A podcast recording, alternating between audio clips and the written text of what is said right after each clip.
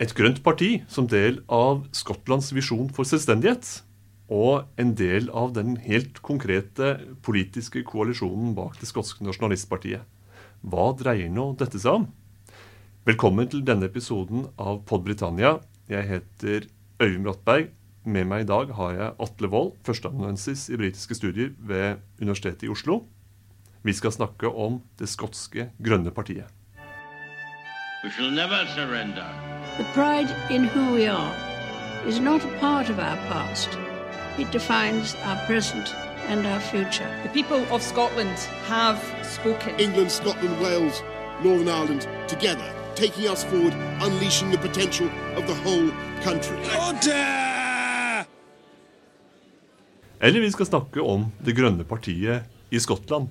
Hva er nå dette for en eh, konstruksjon Atle, som har eh, vokst frem i skyggen av det dominerende skotske nasjonalistpartiet? Ja, det kan man si. Altså, De skotske grønne er jo et miljøparti i Skottland, som, men de har en bakgrunn og en historikk i, i et grønt parti som eh, gjaldt hele Storbritannia. Som begynte i det små allerede tidlig på 1970-tallet, og så levde under litt forskjellige navn før man ble enige om å kalle det British Greens i 1985. Men så i 1990 bestemte man seg for å dele opp partiet under en sånn tanke om at desentralisering var bra. Eh, og Da dannet man ett parti for England og Wales, som til dels har hatt en selvstendig Wales undera walisisk underavdeling. Eh, ett for Nordland og ett for Skottland. Så de er skal vi si, separate og selvstendige partier nå, men eh, samarbeider da visstnok tett likevel. Heter det seg. Så kan man si at Bakgrunnen for denne britiske grønne bevegelsen var opprinnelig ganske aktivistisk og, og en ja, skal vi si, miljøbevegelsepreget mer enn en parti opprinnelig. Og var preget i lang tid av en eh, motsetning mellom på den ene siden de som ønsket seg en flat og bred bevegelse, som var aktivistisk orientert og kanskje også ble omtalt som anarkister, på den ene siden, og på den andre siden de som ønsket å bygge et mer tradisjonelt parti, som skulle konkurrere i og delta i valg. Og En av de hovedtemaene det var mye strid om, var om man skulle ha en leder eller ikke. Rett og slett en partileder. Eh, det, veldig lenge så hadde man ikke det. Eh, partiet i England og Wales eh, valgte å, å kjøre én en enkelt leder, leder, i 2007. Men de skotske har da fortsatt to såkalte co-leaders, eller co-conveners. Og det skal være én av hvert kjønn også. Det, akkurat dette er jo kjente trekk ved, ved grønne partier mange steder. Dette med, med, en veldig flat struktur og med en, en stor vekt på ganske ganske fri aktivisme. Jeg lurer på en ting til som, som kanskje kjennetegner ikke først og fremst de skotske grønne, men, men grønne, den grønne bevegelsen i Storbritannia som, som sådan. Um, fredspolitikk og anti anti-atomvåpen i en litt sånn tidlig fase. Har det vært, eh, var det viktige elementer der, slik det f.eks. har vært i, i, Sverige og i Tyskland med de grønne, tidlige grønne partiene der? Jeg tror det var mange der som hadde nære forbindelser til f.eks. CND, Campaign for Nuclear Disarmament. Eh, og det har vel også vært preget bevegelsen hele veien at uh, man knytter det grønne veldig tett opp mot skal vi si, tradisjonell venstreorientert politikk. Og det går igjen i, i de grønnes, skotske grønnes politikk i dag også. At de er opptatt av et mer rettferdig samfunn ut ifra tradisjonelle venstreorienterte sider. Så det er rødt og grønt går hånd i hånd i god norsk SV-tradisjon, kan man si, egentlig.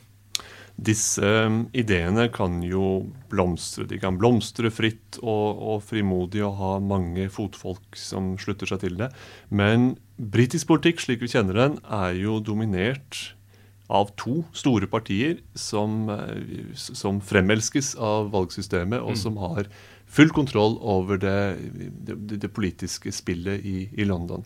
I Skottland ser det ugjenkallelig annerledes ut. Og vi, vi trenger bare en, en litt for å få forståelsen av hvordan de grønne har kommet så tydelig til orde i Skottland, så, så, må det vel sies noe om de institusjonelle vilkårene så å si, i det skotske parlamentet? Ja, det, det er veldig viktig, fordi skotsk politikk den uh, hadde jo mye til felles med britisk politikk for øvrig før man opprettet parlamentet og selvstyremyndighetene i 1999.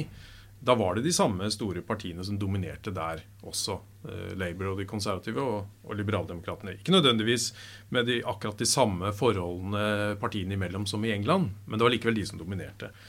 Mens jeg tror det er best å tenke på at det nye parlamentet ga en helt ny arena for å drive politikk på i Skottland.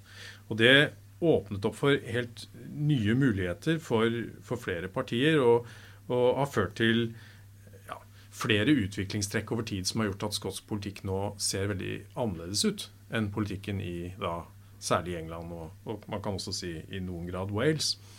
Eh, det viktigste er selvfølgelig at uavhengighetspartiet, eh, nasjonalistpartiet SNP, har vokst frem til å bli den dominerende og klart største partiet. De ligger nå sånn vanligvis rundt 45% av stemmene i valg. Eh, og ved dette så har de jo også erstattet Labour som det dominerende partiet. Det var jo det Labour som hadde denne posisjonen stort sett tidligere. Det er det viktigste, men så har det også skjedd andre ting på en måte i dragsuget av dette. Og En er at de konservative, som var imot å opprette et skotsk parlament i, i utgangspunktet, og som ble ansett som nærmest uspiselig i Skottland i 1999, eh, har vokst frem til å bli hovedopposisjonen og gått forbi Labour. Og det var det vel ingen som hadde forutsett før man opprettet eh, selvstyremyndighetene.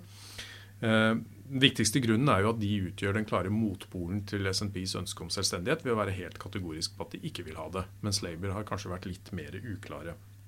Men så har det også da gitt en mulighet for mindre partier, fortrinnsvis eh, de skotske grønne, men også det som da eh, nå heter Scottish Socialist Party, som har hatt andre navn tidligere.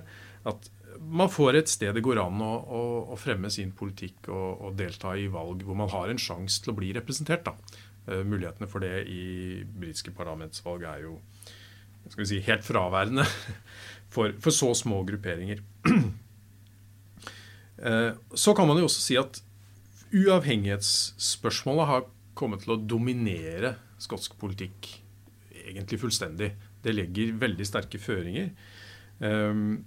Og har ført til en polarisering som ikke var det arkitektene bak selvstyret hadde tenkt seg. De så for seg og hadde som intensjon at man skulle skape en ny form for politikk. New politics ble faktisk brukt som et begrep. Eh, hvor tanken var at eh, parlamentet skulle, og måten det var organisert på, og satt sammen, skulle eh, føre til at man kunne få en ny politisk kultur. Mer konsensusorientert, mer nordisk i karakter. Men så langt så kan man ikke si at det i noen særlig grad har lykkes. og Isteden så har uavhengighetsspørsmålet gjort at eh, skotsk politikk har forblitt veldig britisk, hvis man tenker at britisk politikk er konfrontasjonspreget. da. Det er veldig tosidig, og det er vanskelig å, å, å å komme utenom hele uavhengighetsspørsmålet som dominerer i mange sammenhenger. Ja, for den tosidigheten, den, eh, den dype underliggende konflikten, vil jo i i Skottland se annerledes ut enn den gjør i London. I London så holder man seg med den gamle høyre-venstre-aksen, og, og, er man borgerlig politiker eller sosialist, mens, mens, det i Skottland er selvstendighetsspørsmålet som er styrende for så mye av den, den mm. øvrige politiske posisjoneringen. Ja. Er det åpenbart her at Det grønne partiet skulle slå inn på selvstendighetsenden av den aksen og bli en alliert av, av SNP? Eller jeg, hvordan henger det sammen? Jeg tror egentlig ikke det. Eh, og det har jo også vært eh, gnisninger innad i partiet. Det var tidligere co-leader som eh, ikke ønsket dette her og var tydelig på det. og, og sånt noe. Men partiet har vel etter hvert i hvert fall landet på en veldig klar uavhengighetslinje, hvor argumentasjonen er at for å få til en grønn dreining i Skottland, og også en mer sosial dreining, så må man bli selvstendige først. Jeg vet ikke hvordan de får det til å stemme overens med sine eh, partifeller i, i, England og Wales og andre steder. Det, det har jeg sett lite, lite, om. Men det er gjennomgående trekk nå at eh, Uavhengighet er måten Skottland kan gå i den rette grønne retningen på. Og Da er vel argumentasjonen for så vidt litt også at det gir friere tøyler da, enn hva Skottland har nå, som jo er helt i tråd med SNP sin argumentasjon. Hvis Skottland liksom virkelig skal kunne stake ut sin egen kurs, så, så må man slippe å ha, ha, London hengende over seg på en måte. Det passer vel sannsynligvis også med en visjon for uh, noe som er desentralisert og grasrotforankret osv. At det er det er kortere vei til en, en, ja. en, en, skotsk selvstendig stat, altså i form av maktens eh, tråder, holdt jeg på å si, enn det mm. er å gå hele veien til London. Kanskje er det også lettere å se for seg Skottland bli gjort grønnere i form av politisk innhold enn det er å nå fram til, til, til, London. Men i disse tankene så skjer det jo åpenbart noe i forbindelse med folkeavstemningen om skotsk selvstendighet i, i, 2014. Du viste meg her eh, før vi begynte noen, noen grafer som som uh, illustrerer medlemstall i mm. det skotske nasjonalistpartiet og det skotske grønne partiet. Mm. Det skotske nasjonalistpartiet er et, et, kjempeparti i medlemstall i dag, godt over 100 000 medlemmer. Mm. Um, de grønne er jo omkring en tidel av dette, men poenget var at, at, det for begge partier var en enorm uh, vekst i medlemstall i kjølvannet av folkeavstemningen den gang. Hva slags mobilisering handler dette om? Hvorfor skulle man få en en slags grønn bølge parallelt med at eh, selvstendighetsstrømmen kommer klart til uttrykk i Skottland? Ja, det, det kan man si. Jeg tror um, det er, flere, er, nok flere elementer i det. Én ting er at uh, De Grønne ble ansett veldig tydelig som en del av den bredere uavhengighetsbevegelsen før, uh, før folkeavstemningen. Uh, og kanskje også er spiselig for flere enn f.eks. Scottish Socialist Party, som også er veldig sterke tilhengere av selvstendighet. Ehm, så de fikk en voldsom eh, medlemsvekst eh, rett etterpå. Og det var jo litt sånn at eh, det var jo egentlig ingen som trodde at det kunne bli ja-flertall i denne folkeavstemningen. Det var ingenting som tydet på det. Men så kom man så mye nærmere enn man hadde trodd. Og det ble liksom satt i gang en sånn type folkebevegelse som, som ga et inntrykk av at nei, dette var, ble likevel ikke den, det ene once in a generation-forsøket. Det ble bare starten på en prosess frem mot en ny folkeavstemning. Vi, vi, kom så godt i gang. Og det, det har man sett det har blitt en ganske bred sånn eh, grasrotbevegelse eh, som, av forskjellige grupperinger som, som argumenterer for skotsk selvstendighet eh, som måten å fremme den politikken de ønsker på. Men så tror jeg kanskje at noe av grunnen til at eh, Scottish Greens gjør det så bra, er at Nærmest parallelt med at SNP har bygd seg opp til å bli det største partiet og regjeringspartiet i Skottland, så har eh, De Grønne bygd seg opp som støttepartiet deres. Det viktigste støttepartiet. Dette ble de enige om allerede da SNP dannet sin første, den gangen mindretallsregjering, i 2007. Eh, de Grønne var ikke mange nok til å gi flertall, men de ble enige om å, å samarbeide. I 2011 så fikk SNP rent flertall, så da trengte de ikke støtten lenger. Men i 2016 igjen, når de mistet flertallet så vidt, nå snakker vi parlamentsvalgene, skotske parlamentet, så var De Grønne der som støtteparti. Og dette ble på en måte fullført, kan man si, da, med dannelsen av det man vel kan kalle en uformell koalisjon etter parlamentsvalget i, i fjor. Hvor de har egentlig ikke laget en felles regjeringsplattform som sådan, men De Grønne har fått to representanter, to ministre i den skotske selvstyreregjeringen. Så sånn sett er de jo i praksis i en koalisjon, kan man si.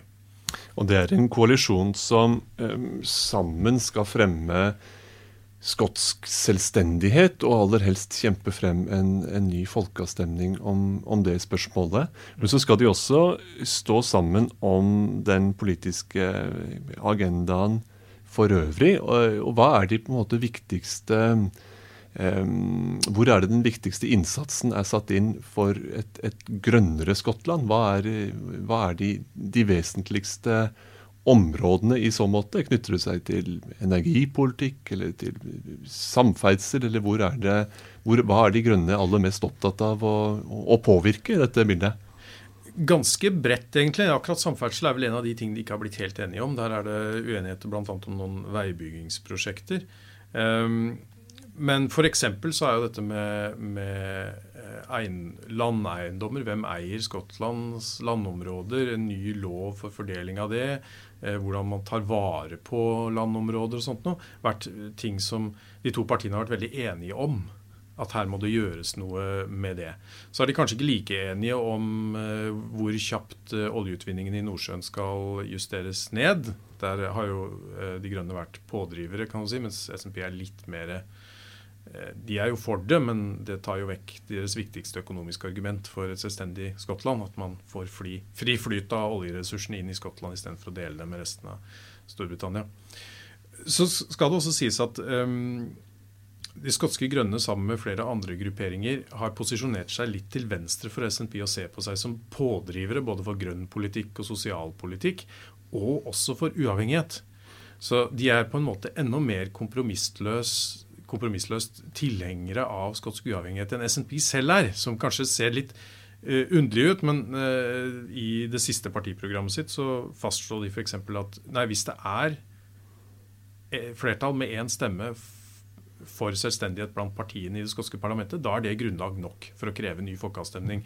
Mens SNP har vært mer forsiktige der med om, om, det, om SNP må ha et skikkelig godt flertall alene, eller hva som skal være grunnlaget for å kreve en ny folkeavstemning. Uh, så man kan si uh, De Grønne og de andre småpartiene er uh, Hva skal man, skal man si mer uredde, da. Mens SNP er nok klar over at de får én sjanse til. Og hvis de taper den, da spørs det.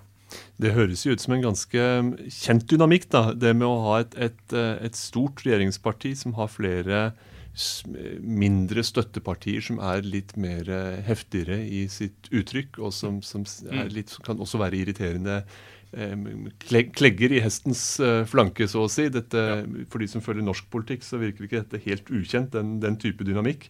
Men det ser jo ut til at eh, på klimapolitikk og miljøpolitikk så ser det skotske nasjonalistpartiet også for seg en rolle som en veldig progressiv kraft. Det var vel også diskutert i forbindelse med det store klimatoppmøtet i, i Glasgow at, at, Skottland virkelig, eh, den skotske regjeringen da, ser for mm. seg å gå foran med et, et godt eksempel og har eh, kjempeambisjoner for det grønne skiftet, og også gjort det til en, en slags markør at selvstendighet også skal gi et, et grønnere Skottland. Eh, mm. Nå kan jo den type politikk også være litt eh, sjablonger og overskrifter mer enn substans, men mm. virker det å være eh, sterke krefter i, som trekker i grønn favør i, i, Skottland? Har du inntrykk av at det er, at det er en bølge som er som, som, har hva skal man si, medvind også mm. utenfor de to partiene?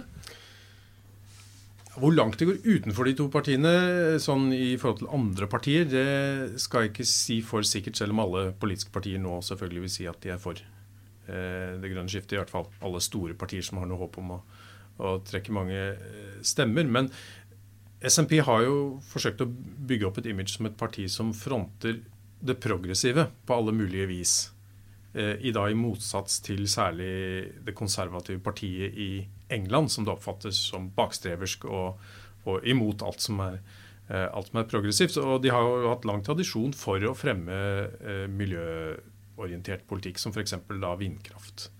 Det er jo lenge siden de begynte å, å, snakke om det som et satsingsområde i, i Skottland.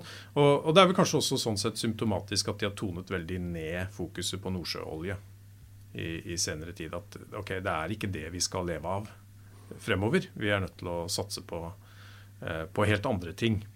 Det, hva som er grønn politikk, kan man jo eh, saktens eh, krangle, krangle, om, også politikere imellom. Men mm. agendaen virker jo likevel rimelig klar. Fordi det, klimapolitikk er hva det er, og, og, miljøpolitikk er hva det er. Den røde siden kan kanskje være eh, mm. mer forvirrende. Iallfall diskuteres det jo mye i, i, i, Storbritannia hva som er genuin venstresidepolitikk. Altså hvor mye sosial utjevning og økonomisk politikk egentlig skal betones, sammenlignet med en del av de, de nyere spørsmålene som venstresida er opptatt av, som knytter seg til identitet og anerkjennelse av ulike livsstiler og minoriteter. og kritisk granskning av britisk historie og en del av disse, disse, spørsmålene som hører mer kulturkampen til enn ja. den økonomiske konflikten.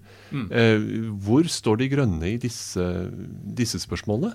Der står de fremst på barrikadene, kan man si. Altså, det er jo interessant Når man ser på programmene og politikken, så er det selvfølgelig mest miljøpolitikk. Og så er det, det er mye om sosial utjevning. Så er det så å si ingenting om utenrikspolitikk eller forsvarspolitikk eller den type ting. Det tar de knapt i.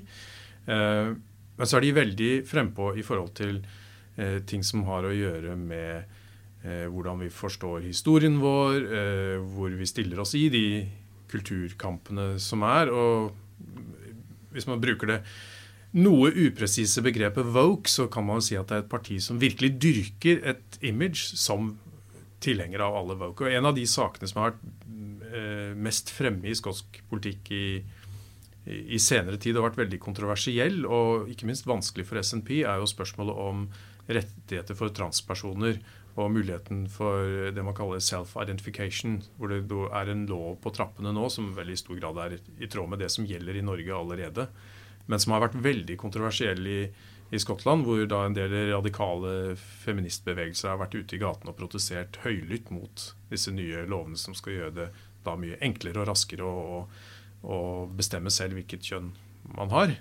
eh, enn det det har vært tidligere. Og her har Scottish Greens vært veldig markant forkjempere for denne nye loven hele veien.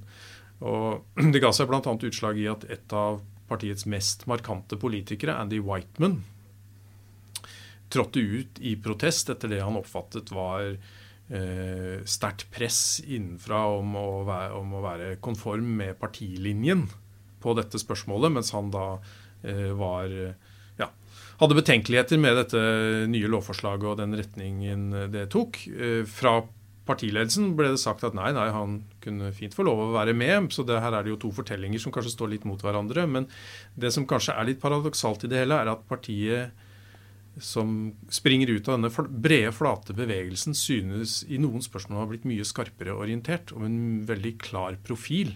Og kanskje også med en forventning om at Eh, alle som er partimedlemmer, de som fronter det, skal holde seg veldig strengt til denne partilinjen. Den eh, klare marsjordren om hva man skal være og hva man skal stå for, den, den trekker også i retning måten det undervises på, ikke mm. minst i spørsmål om eh, britisk historie. Hva handler det om? Ja, de har lagt inn formuleringer hvor de sier Det er jo særlig dette med eh, transatlantiske slavehandelen sånn på 1600-1700-tallet, som jo har vært veldig oppe i, i, mange diskusjoner i senere tid, og Storbritannias rolle i denne slavehandelen. Og det pågår jo for tiden eh, ja, Det er satt ned en kommisjon i Edinburgh som skal se på liksom, hva, hva, slags symboler fra slaveriet har vi i byen, og hva skal vi gjøre med det. Blant, blant annet vært snakk om å fjerne statuen av av den sentrale skotske politikeren, politikeren Henry Dundas, fordi han da etter sigende skal ha, ha, ha jobbet for å, å utsette avskaffelsen av slavehandelen. Da. Nå snakker vi rundt 1800, som er sterke meninger om. Og Da ser man at i, i det siste partiprogrammet til De Grønne for eksempel, så legger de veldig klare føringer på at eh, sånn og sånn må dette undervises i skolen. Og dette temaet spesielt, altså når de snakker om De tar ikke for seg noe annet historisk tema, men akkurat slaveri, kolonialisme og Skottlands rolle i det, det skal uh, undervises i skolen, sånn at vi kan rette opp fortidens feil, som det står i programmet. Og det, det tenker jeg i hvert fall er ganske sterk kost fra et politisk parti å legge den slags føringer på hvordan historie skal undervises i skolen. We shall never surrender. The pride in who we are is not a part of our past. It defines our present and our future. The people of Scotland have spoken. England, Scotland, Wales, Northern Ireland together, taking us forward, unleashing the potential of the whole country. Order!